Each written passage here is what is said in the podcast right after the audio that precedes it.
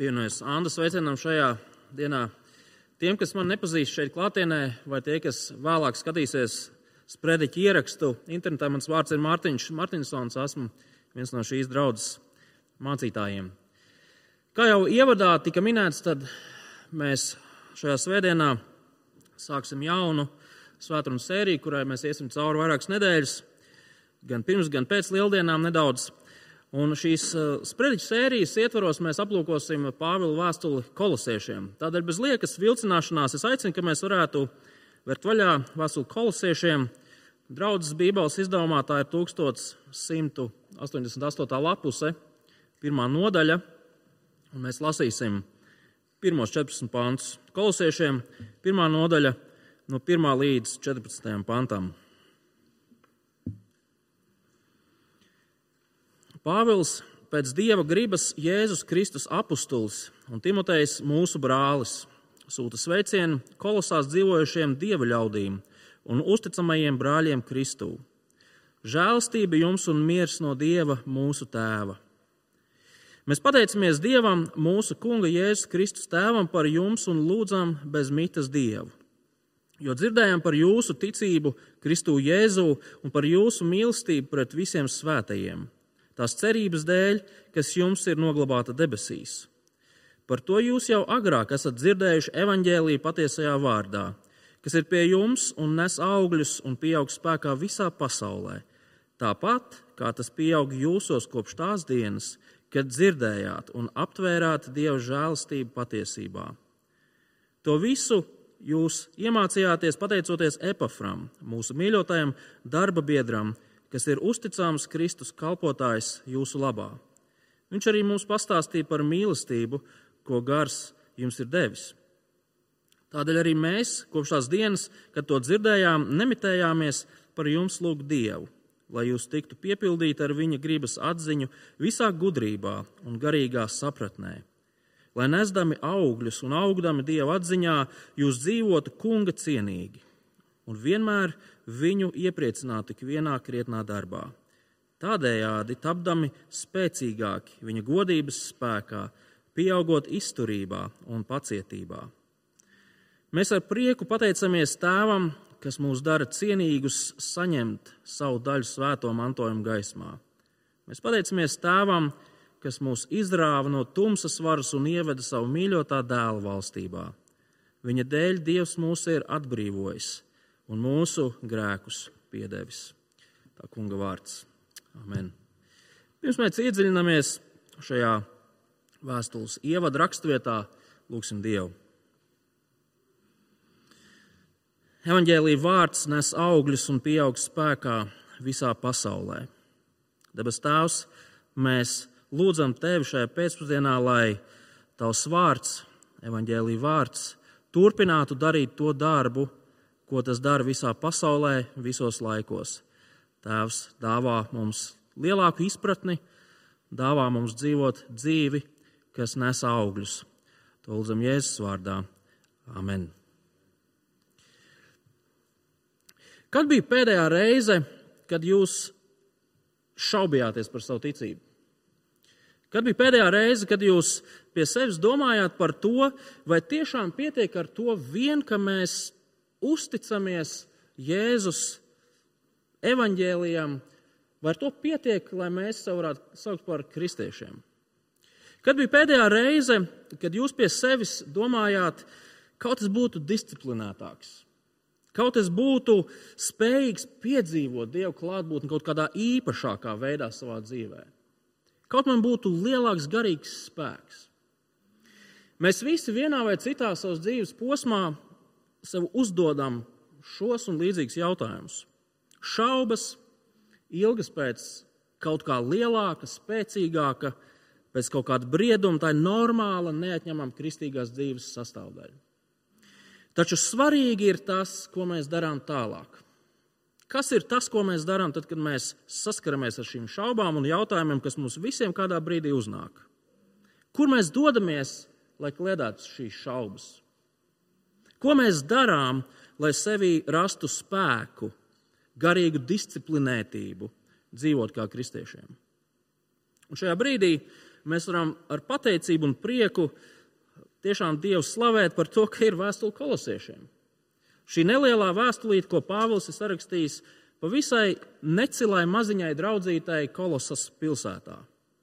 Jo redziet, Kolosas draudzes kristieši saskārās ar tiem pašiem jautājumiem, tām pašām šaubām, ar kurām saskaramies arī mēs. Arī viņi gribēja būt droši par to, ka viņi ir sapratuši evaņģēlīju vēsti. Tā pa īstam sapratuši. Arī viņi gribēja būt droši par to, ka viņi ir īsti kristieši, kuri īstā, patiesā veidā izdzīvo savu kristīgo ticību. Arī viņi gribēja pieaugt, arī viņi gribēja nobriest, gluži kā, nobriest, gluži kā mēs. Un Pāvils raksta šo vēstuli, kas nav pārāk gara, lai stiprinātu un drošinātu kristiešus. Ar jums viss ir kārtībā. Jūs esat īstie. Ieskatieties otrās nodaļas, 6. un 7. pantā, kas, manuprāt, savalk kopā šīs vēstules viena no galvenajām lietām, ko Pāvils grib pateikt. Tā kā jūs esat pieņēmuši Kristu Jēzu par kungu, tad nu viņa arī dzīvojiet, iesakņojušies, topiet kā nams, kas uz viņa būvēts. Esiet ticībā stipri, kā esat mācīti, pāri plūzdami pateicībā. Pāvils saka, kolosieši, jūs visu esat dzirdējuši. Jūs stāvat uz pareizā pamata.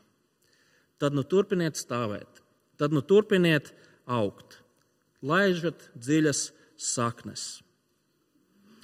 Taču, draugi, Pāvils lieliski zina to, ka kristīgā dzīve, kristīgā augšana arī mūsdienās joprojām nekad nenotiek vakumā. Mēs kā kristieši saskaramies ar dažne dažādām mācībām, kas mums sola dziļāku izpratni, lielāku spēku, sakārtotāku dzīvi.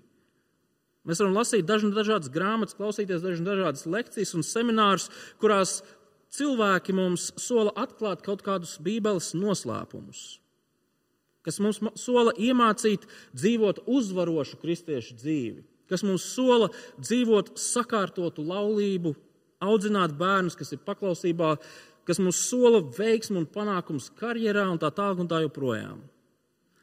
Un arī kolosas draudzē bija uzrāt, uzradies viens vai varbūt vairāki skolotāji, kas kolosas kristiešiem piedāvāja lielāku spēku, pilnīgāku izpratni, labāku kristīšu, kristieša, īstāku kristiešu dzīvi.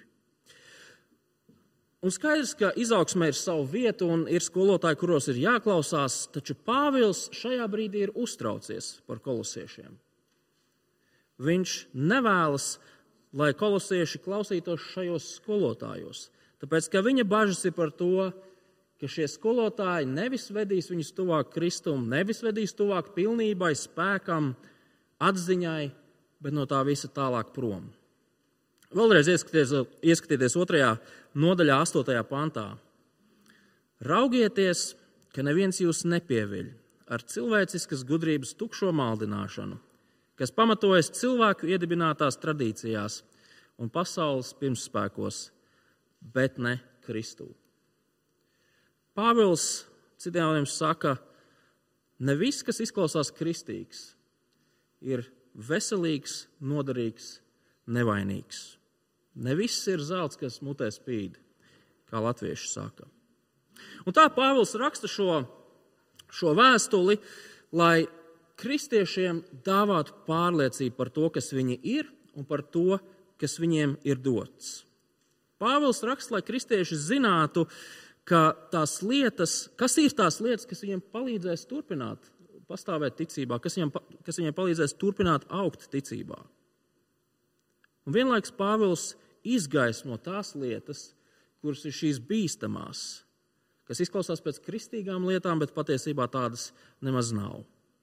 Jo Pāvils vēlas, lai kolosas kristieši būtu kristieši, kas stingri stāv un zina, kurā virzienā ir atrodamas briesmas.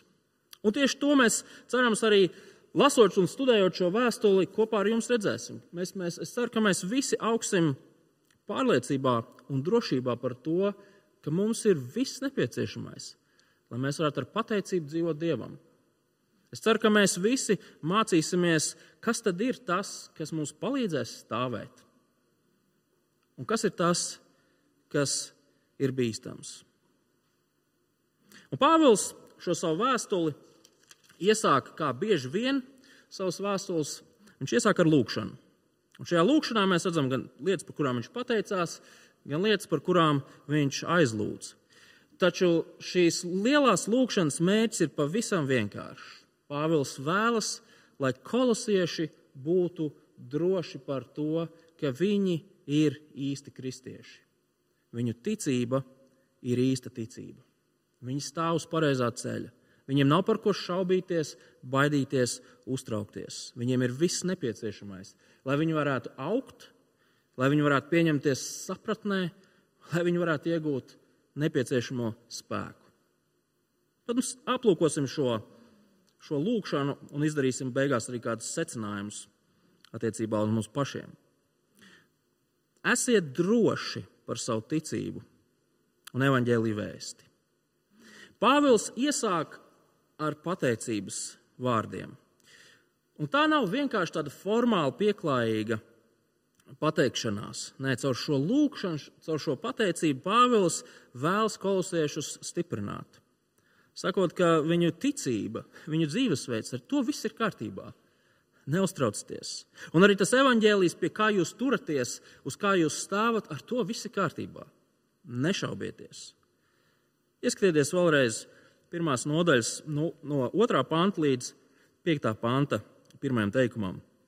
Mēs pateicamies Dievam, mūsu Kunga Jēzus Kristus tēvam par jums un lūdzam bez mitas Dievu, jo dzirdējām par jūsu ticību Kristu Jēzu un par jūsu mīlestību pret visiem svētajiem, tās cerības dēļ, kas jums noglabāta debesīs. Pāvils Kolosieši nekad dzīvē nav saticis. Viņš nav piedalījies pie kolosas draudzes veidošanas. Taču jau no pašiem ievada pantiem mēs redzam to, ka Pāvils kolosiešus sauc par dieva ļaudīm, par uzticamiem brāļiem un māsām Kristū. Kāpēc? Tāpēc, ka viss, ko viņš par viņiem ir dzirdējis, par to liecina. Kolosiešiem piemīt ticība Jēzum kā valdniekam. Kolosieši šo savu ticību demonstrē visiem redzamā veidā, kādā veidā mīlot brāļus un māsas draudzē. Kolosieši tic tam, ka Jēzus ir valdnieks, un kolosieši šo savu ticību dara zinām pasaulē, un pirmām kārtām jau apkārtējai sabiedrībai, praktiski mīlot un rūpējoties cits par citu. Un interesanti, vai jūs pamanījāt, ka šī ticība un mīlestība izriet no cerības, kas ir noglabāta debesīs. Kas tad ir šī cerība? Tā ir šī nākotnes drošība, kas ir dota visiem kristiešiem. Nedaudz vēlāk, 12. pantā, Pāvils šo cerību nosauc par svēto mantojuma daļu. Tas ir kaut kas tāds, kas katram kristietim ir dots. Un kas tas ir? Tas ir apsolījums būt debesu valstībā, kā dieva ļaudīm. Un tad nu šī drošā nākotnes cerība ir tas, kas veicina kristiešu, kolosiešu ticību. Šī drošā nākotnes cerība ir tas, kas veicina viņu savstarpējās attiecības. Pāvils ar šo pateicību vēlas, lai korintieši to lasot, saprast, ka viss ar viņiem ir kārtībā. Jums ir visas trīs lietas, kas raksturo īstu kristieti - ticība Kristum, mīlestību uz draugu un droši, drošā nākotnes cerību. Domājot par šo raksturvietu, es iedomājos par to, kas, kas būtu tās trīs lietas, kas raksturo piemēram Latvijas valsts patriotu. Gatavība mirt par savu valsti, to aizstāvot, gatavība aizstāvēt kaut kādas valsts vērtības, um, gatavība nest valsts godu plašākā pasaulē, Kaut kas ar dabu, iespējams, latviešiem. Protams, no tādām cēlām domām mans prāts arī aiznesās pie tādām bērnišķīgām. Īsts patriots ir tas, kurš ir iemācījies mīlēt pelēkos zirņus, speķi, ir jažēnku un paniņas. Bērni vecāki jums vēlāk var pastāstīt, kas ir jažēnku un paniņas. Lai gan mēs varam diskutēt par to, kas tad raksturo, kas tad raksturo Latvijas patriotu. Pāvils saka, jūs varat nediskutēt par to, kas raksturo īstu kristieti. Īstu kristieti raksturo ticība uz Kristu, mīlestība pret draugu un droša nākotnes cerība. Reizēm mēs kā cilvēki mēs, mēs domājam, ka mums ir jāsasniedz kaut kāds ticības, mīlestības un tādas nākotnes drošības līmenis, lai mēs varētu sevi saukt par kristiešiem. Un, protams, mēs pēc brīža redzēsim, ka Pāvils lūdz, lai kolosieši pieaug. Viņiem nav jāpaliek tādiem, kādi viņi ir. Viņiem ir jāpaliek, jāpieaug izpratnē, dzīvošanā, taču tas viss, ko Pāvils saka pēc tam, ir teikts cilvēkiem, kas jau ir kristieši. Ja mēs ticam Jēzum, un mūsu ticība ir kā sinepju graudiņš, mēs esam kristieši. Ja mēs mīlam draugu ar visiem tiem nepilnīgajiem centieniem, kā nu mums sanāk, mēs esam kristieši. Ja mēs cauri šaubu mākoņiem tomēr redzam un esam pārliecināti par to, kas mūs sagaida nākotnē, Kristus dēļ mēs esam kristieši. Mēs esam pareizā vietā, mēs stāvam uz pareizā pamata, mēs esam uz pareizā ceļa. Mums nav jāmeklē kaut kādas iekšējas sajūtas, kas teiks, jā, tu esi kristietis šodien. Mums nav jāmeklē skolotāji, kas mūs, iemāc, mūs iemācīs tehnikas un metodas, ar kuru palīdzību mēs jutīsimies kā kristieši. Jūs varat būt droši, kolosieši. Paldies Dievam, jums ir ticība, mīlestība, cerība. Jūs esat īstie. Un tikpat droši kolosieši var būt par evaņģēlīju vēstu, ko viņi ir saņēmuši, ko viņi ir dzirdējuši. Skatieties tālāk no 5. panta, 2. teikuma līdz 8. pantam. Par ko jūs jau agrāk esat dzirdējuši evaņģēlīju patiesajā vārdā, kas ir pie jums un nes augļus un pieaug spēkā visā pasaulē. Tāpat kā tas pieaug jūsos kopš tās dienas, kad dzirdējāt un aptvērāt Dieva žēlstību patiesībā. To visu jūs iemācījāties pateicoties Epafram, mūsu mīļotajam darba biedram, kas ir uzticams Kristus kalpotājs jūsu labā. Viņš arī mūs, mums pastāstīja par mīlestību, ko gars jums ir devis. Evangelija vēsts līdz kolosai nonāca caur šo vīru, Epafru. Epafra visticamāk darba darīšanās bija devies uz Efezas pilsētu, kas nav pārāk tālu no kolosas, kur viņš dzirdēja Pāvila sludinājumu. Pāvila sludināšana Epafru pārliecināja par to, ka viņš ir grēcinieks, kuram ir vajadzīgs, kuram vajadzīga piedošana, ka Jēzus ir Kristus. Un šo jauniegūto ticību Epafra aiznes atpakaļ uz mājām, uz kolosas pilsētu, kur mēs varam pieņemt, viņš, viņš sludināja to pašu evaņģēliju, ko viņš bija dzirdējis Efezā, kalpoja un viņa kalpošanas un sludināšanas rezultātā Dievam patika kolosās nodibināt, izveidot nelielu draudzīti. Un viss bija labi. Viss bija labi līdz brīdim, kad kāds vai varbūt kādi sāk uzdot jautājumus par to, ko Epafra ir mācījis. To mēs varam nojaust, lasot vēstuli. Vai tiešām tas ir viss, ko Pāvils mācīja Epafra? Vai tiešām mēs esam dzirdējuši to pašu, ko Pāvils mācīja Epafra? Vai varbūt tās ir vēl kaut kas, kas mums, kā kristiešiem, ir jāzina? Varbūt tās epafra mums visu nepastāstīja. Turklāt apkārt taču cirkulē dažne dažādas mācības un uzskati, idejas un teorijas. Un tā Pāvils, rakstot šo vēstuli savā pateicības lūkšanā, drošina un mierina kolosas kristiešus, sakot, ka epafras pasludinātais evaņģēlijs ir tas pats evaņģēlijs, ko pasludināja Pāvils. Epafra ir Pāvila darba biedrs. Viņi stāv par vienu un to pašu. Vēl vairāk patiesībā šis evaņģēlijs, ko Pāvils pasludināja Epafram, Epafra pasludināja kolosiešiem, ir tas pats evaņģēlijs, kas izskan visā pasaulē. Tas ir tas pats evaņģēlijs, kas nes augļus visā pasaulē, kas nes augļus arī kolosā. Kolosieši, neuztraucieties, jūs esat dzirdējuši īsto evaņģēliju. Cita nav. Un jūs esat dzirdējuši visu, kas jums ir vajadzīgs, lai dzīvē varētu būt augļi. Jūs esat dzirdējuši visu, kas ir nepieciešams, lai augtu, lai iegūtu spēku, lai dzīvotu kā kristieši. Jums nav vajadzīga cita vēsts. Jums nav vajadzīgs cits evaņģēlijs. Tas, ko Pāvils šeit pasaka kolosiešiem, tas attiecās arī uz mums. Tāpat patiesība ir svarīga arī mums. Mums Dieva vārdā ir dots pilnīgi viss nepieciešamais, lai mēs varētu iegūt glābšanu un dzīvot kā izglābti cilvēki. Bībelē ir atrodams pilnīgi viss, ko Dievs ir gribējis pateikt cilvēkiem šeit uz zemes. Nav nepieciešams jaunas atklāsmes, pravietojumi, nav vajadzīgi skolotāji, kas solis starp rindiņām parādīt noslēpumainās dažādas lietiņas. Viss, kas mums ir nepieciešams, draugi, ir pārliecība par to, ka mums ir viss. Viss, kas mums ir nepieciešams, ir lūkšana pēc palīdzības saprast to, kas mums ir dots. Un visbeidzot, mums ir nepieciešams izmantot pelēkās šūnas, kuras Dievs mums ir devis, lai mēs viņu vārdu lasītu. Tas nozīmē, ka mums nav jāskrien līdzi jaunākajām modes tendencēm garīgumā. Ik pa pāris gadiem uzrādās kāds dišpārdoklis, kas mums sola neskādus jaunumus. Mums nav jāatzinās pēc kaut kā jauna, kaut kā īstāka, kaut kā, kas saka, es atklāšu jums noslēpumu. Mums nekas netrūkst.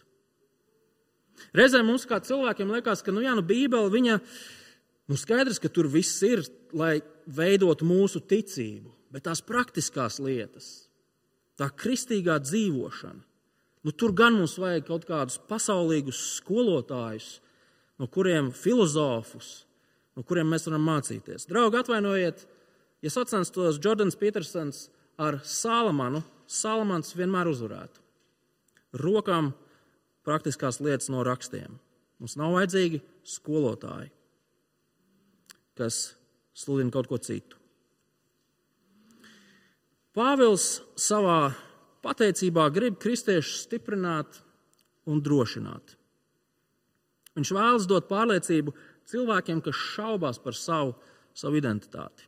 Viņš grib nomierināt kristiešus, kas uztraucas par to, vai, vai tā evaņģēlīja vēsts, kas viņiem ir iedot, vai, vai tas ir viss, vai varbūt tas ir vēl kaut kas. Varbūt ir vēl kaut kas, kas ir jāzina, un jāizstudē un jāizlasa. Pāvils saka, paldies Dievam, jūs esat īstie, jums ir ticība, jums ir mīlestība, jums ir cerība, jums ir raksti, kas tam visam palīdz jūsos augt. Kad bija pēdējā reize, kad mēs pateicāmies par šīm lietām? Kad bija pēdējā reize, kad mēs tiešām pasēdējām kādu ilgāku brīdi vienatnē vai kopā ar saviem draugiem un pateicāmies par šīm lietām. Mēs pasakāmies par daudzām labām lietām, par darbu, veselību, ģimeni, draugiem, iespēju sapulcēties šeit pandēmijas laikā. Bet šīs lietas ir pašas, pašas svarīgākās, ko Dievs mums ir devis. Par tām ir jāpasakās. Un no pateicības Pāvils pāriet pie aizlūgšanas. Un viņa aizlūgšana atbild uz kolosiešu neizteiktiem, vai varbūt tās kaut kādā veidā caur epafru Pāvila ausīs nonākušajiem jautājumiem un šaubām. Un Pāvils šajā savā lūkšanā lūdz par to, lai kolosieši augtu. Lai viņi paliktu tur, kur viņi ir, bet turpinātu augt tajā vietā, kur viņi jau ir. Pāvils ir pateicies par to, ka viņiem ir sapratne, bet Pāvils lūdz, lai jūsu sapratne aug. Pāvils ir pateicies par to, ka viņiem ir mīlestība, krietnes dzīvesveids, bet Pāvils lūdz, lai kolosieši pieaug mīlestībā un krietnā dzīvesveidā. Pāvils grib, lai kolosieši turpinātu augt. Izlasīsim no 9. līdz 11. pantam. Tādēļ arī mēs kopš tās dienas, kad to dzirdējām, nemitējāmies par jums lūgt Dievu lai jūs tiktu piepildīti ar viņa gribas atziņas, atziņu visā gudrībā un garīgā sapratnē, lai nesdami augļus un augdam dieva atziņā, jūs dzīvotu kunga cienīgi un vienmēr viņu iepriecināti ikvienā krietnā darbā. Tādējādi tapdami spēcīgāki viņa godības spēkā, pieaugot izturībā un pacietībā. Pirmkārt, Pāvils lūdz par pieaugšanu atziņā un sapratnē. Visas zināšanas, kas kristietim var būt, viņam ir pieejamas. Kristū un Kristus evaņģēlijā. Kolosieši jau ir saņēmuši visu, kas viņiem ir vajadzīgs. Protams, Pāvila lūkšana ir specifiskāka. Pāvils lūdz pēc tā, lai kolosieši, saņēmuši visu, kas viņiem ir nepieciešams, augtu izpratnē, dziļākā izpratnē, arvien labāk saprastu to, kas viņiem ir iedots. Tā ir atgriešanās pie vecā teksta, nevis meklējumi pēc jaunajiem.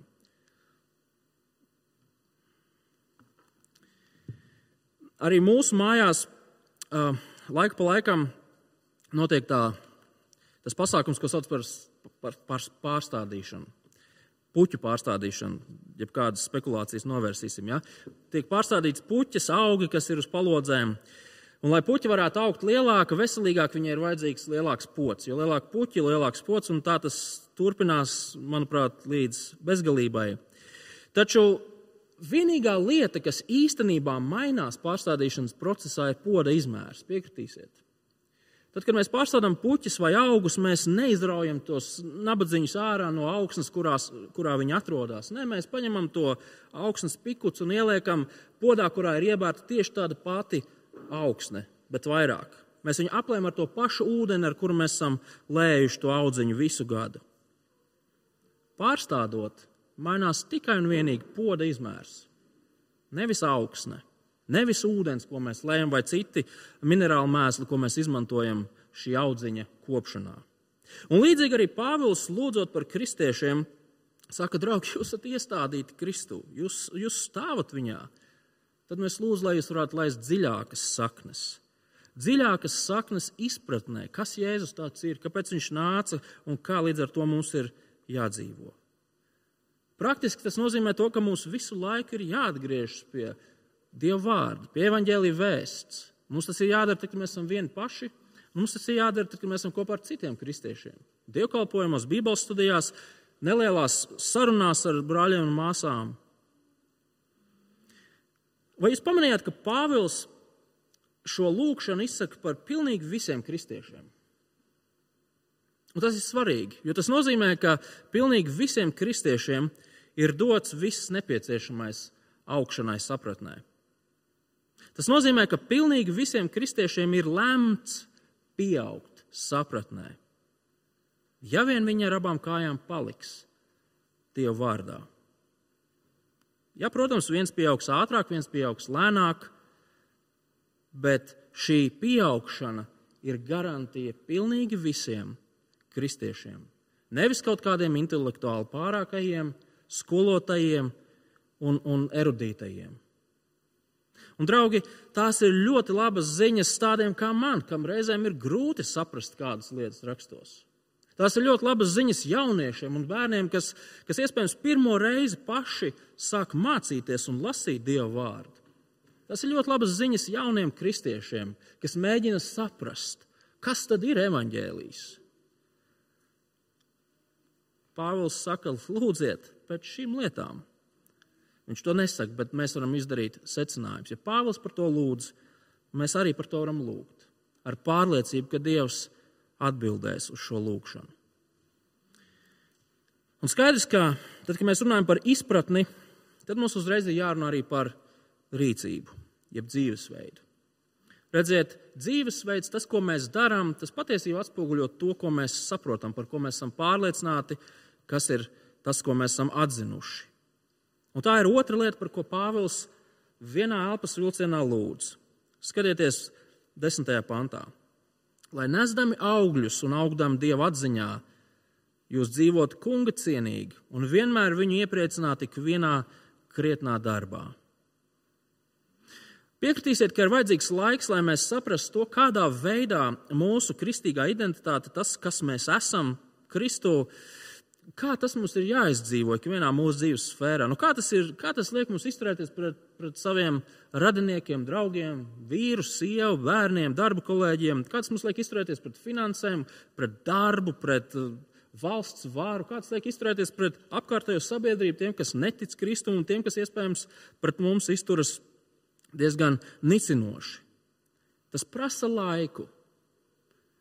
Un procesā mēs pieļaujam ļoti daudzas kļūdas. Mēs visi to saprotam pareizi. Nu, kurš gan no mums, kurš ir iemācījies kādu mūzikas instrumentu, apgūst kādu svešu valodu, izkops kādu amatu, arodu vai jebkāda veida sarežģītāku lietu, to ir izdarījis bez smaga darba, bez daudz kļūdām. Es jau laikam saviem bērniem esmu apnicis ar, ar desmit tūkstošu stundu principu. Parunājiet ar viņiem. Viņi jums pastāstīs. Tas ir process. Kā es neatceros, kurš to man reiz teica, fiksi var ieraut tikai skabargu dibenās šļūcot par nenoēvalētu dēli. Kristīgā izaugsme notiek lēnā, pacietīgā darbā. Un tas ir tas, kāpēc Pāvils šīs divas aizlūgšanas ir salicis tieši šādā veidā. Tā secība nav nejauša. Tas, ko mēs saprotam, ietekmē to, ko mēs darām. Nevis otrādi. Tas, ko mēs darām, parāda to, ko mēs esam sapratuši. Tad, nu, pieaugot sapratnē, atziņā, mēs pieaugsim arī spējā paklausīt Dieva vārdam. Dažne dažādās dzīves sfērās un jomās. Arvien vairāk saprotot to, kas mums Kristū ir dots, mēs arvien vairāk un vairāk gribēsim pateicībā darīt to, kas mūsu glābējam Kristum ir patīkams. Un kāds būs tā visa rezultāts? Skatieties 11. pantā. Tādējādi tapdami spēcīgāki viņa godības spēkā, pieaugot izturībā un pacietībā. Draugi, ja jūs gribat kļūt par stiprākiem kristiešiem, Jums nav vajadzīgas kaut kādas jaunas lietas, jauni skolotāji, jaunas atklāsmes. Jums ir jāturpina stāvēt uz šī vārda. Jums ir jālūdz, lai Dievs jums palīdz labāk saprast šo vārdu. Viss, kas jums ir vajadzīgs, ir neatlaidīga izdzīvošana, tā izdzīvošana, ko jūs Dieva vārdā esat sapratuši. Un šeit iesākās tas nebeidzamais ritenis. Jo vairāk mēs saprotam, jo labāk un skaidrāk mēs izdzīvojam, jo skaidrāk mēs izdzīvojam, jo labāk mēs saprotam, tāpēc ka praksa mums palīdz nostiprināt to, ko mēs zinām, un tā tālāk un tā joprojām. Šis nebeidzamais kristīgās dzīves cikls. Sapratne novada pie rīcības, rīcība pastiprina sapratni, sapratne novada, jūs sapratāt. Pāvils vēlas, lai kolosieši būtu pārliecināti par to, kas viņi ir lai viņi neapšaubītu to, kas viņiem jau ir dots. Lai viņi neklausītos tajās balsīs, kas viņiem čukst, mēs tev palīdzēsim pieaugt. Lai viņi nepavilktos līdzi šiem, kā Pāvils 8. pantā, 2. nodaļā teica, cilvēku izgudrotajām filozofijām. Un vienlaikus tas ir process, kas aizņem laiku. Un tieši tāpēc Pāvils jau arī lūdz. Gluži tāpat kā mēs varam mācīties no Pāvila un savā pateicības lūkšanās ielikt tās lietas, par kurām Pāvils pateicās, tāpat mēs varam savā lūkšanās ielikt to, par ko Pāvils lūdz. Mēs lūdzam par daudzām un labām lietām, vai ne? Katru svētdienu mēs kā draugi lūdzam, ik reiz, kad kristieši satiekas, mēs lūdzam, Bībeles studijas mēs lūdzam, mēs esot vieni paši, mēs lūdzam. Tad nu, lūksim par šīm lietām. Lūksim par to, lai mēs paši un mūsu brāļi un māsas pieaug atziņā, sapratnē. Un lai tas savukārt viņiem palīdz dzīvot Kristus cienīgi, arvien vairāk un vairāk. Lūksim un būsim pārliecināti, ka Dievs uz šādu lūkšanu atbildēs.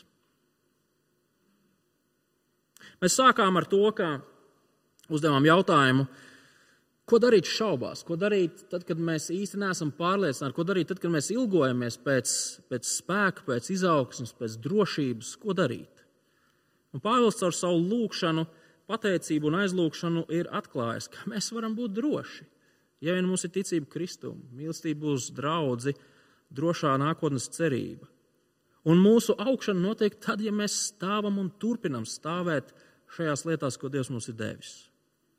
Bet Pāvila lūkšanas nobeigums, manuprāt, ir kā tāda 18. novembra vai jaungada uh, uguņošana kur Pāvils beigu beigās pasaka, ka viss, kas mums ir dots, mūsu, mūsu drošība un viss, kas mēs esam, balstās Dieva darbā. Skatieties, 11. panta pēdējais teikums līdz 14. pantam. Mēs ar prieku pateicamies Tēvam, kas mūs dara cienīgus, saņemt savu daļu svēto mantojumu gaismā. Mēs pateicamies Tēvam, kas mūs izrāva no tumsas varas un ieveda savu mīļotā dēla valstībā. Viņa dēļ Dievs mūs ir atbrīvojis un mūsu grēkus piedevis. Vecais tulkojums šajā brīdī, īpaši 12. pantā, ir nedaudz precīzāks. Vecajā tulkojumā ir teikts, mēs pateicamies Tēvam, kas mūs ir darījis cienīgus saņemt.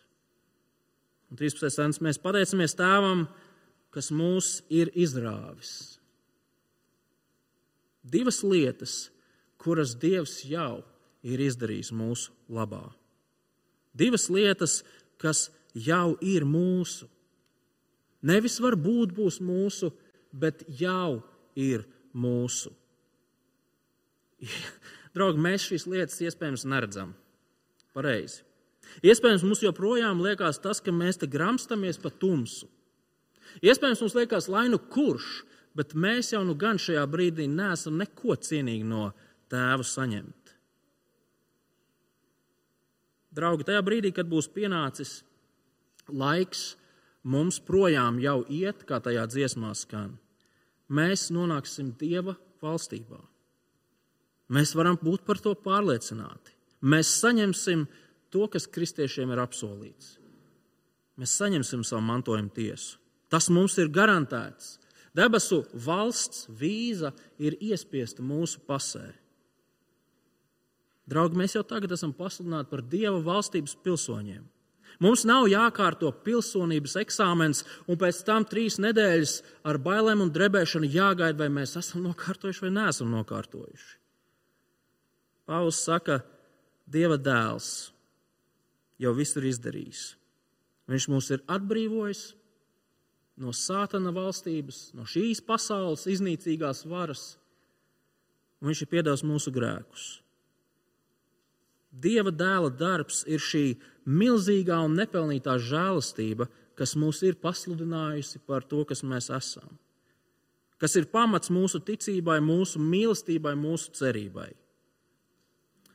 Tad no savās šaubās un ilgās pēc brieduma un spēka stāvēsim uz šī Dieva jau izdarītā darba. Pateiksimies Dievam par to, ko Viņš mums ir devis caur to Un lūksim, lai mēs tik ilgi, cik mums ir dots dzīvot uz šīs zemes, bet varētu laist saknes tieši tajā, kas mums ir dots. Lūksim Dievu. Labais dabas tās tiešām pateicība Tev, ka caur Kristus darbu mums jau ir dota nākotnes cerība, vieta debesu valstībā kopā ar Tevi. Mēs pateicamies, ka caur Kungu Kristu mums ir dota brīvība, grēku piedošana, miers ar tevi. Tāpēc Tēvs pateicamies, ka mums ir dots viss nepieciešamais, lai mēs arī šo savu glābto dzīvi varētu šīs pasaules izdzīvot. Tad nu lūdzam par sevi un mūsu brāļiem un māsām, mūsu draudzē. Palīdz Tēvs mums ne pa labi, ne pa kreisi, bet turpināt pieaugt izpratnē, tava vārda, tava evaņģēlīja atziņā. Un palīdz, ka pieaugot izpratnē un atziņā, mēs spētu dzīvot dzīvi, kas ir mūsu glābēja un mūsu kunga cienīga. To mēs lūdzam Jēzus vārdā. Amen.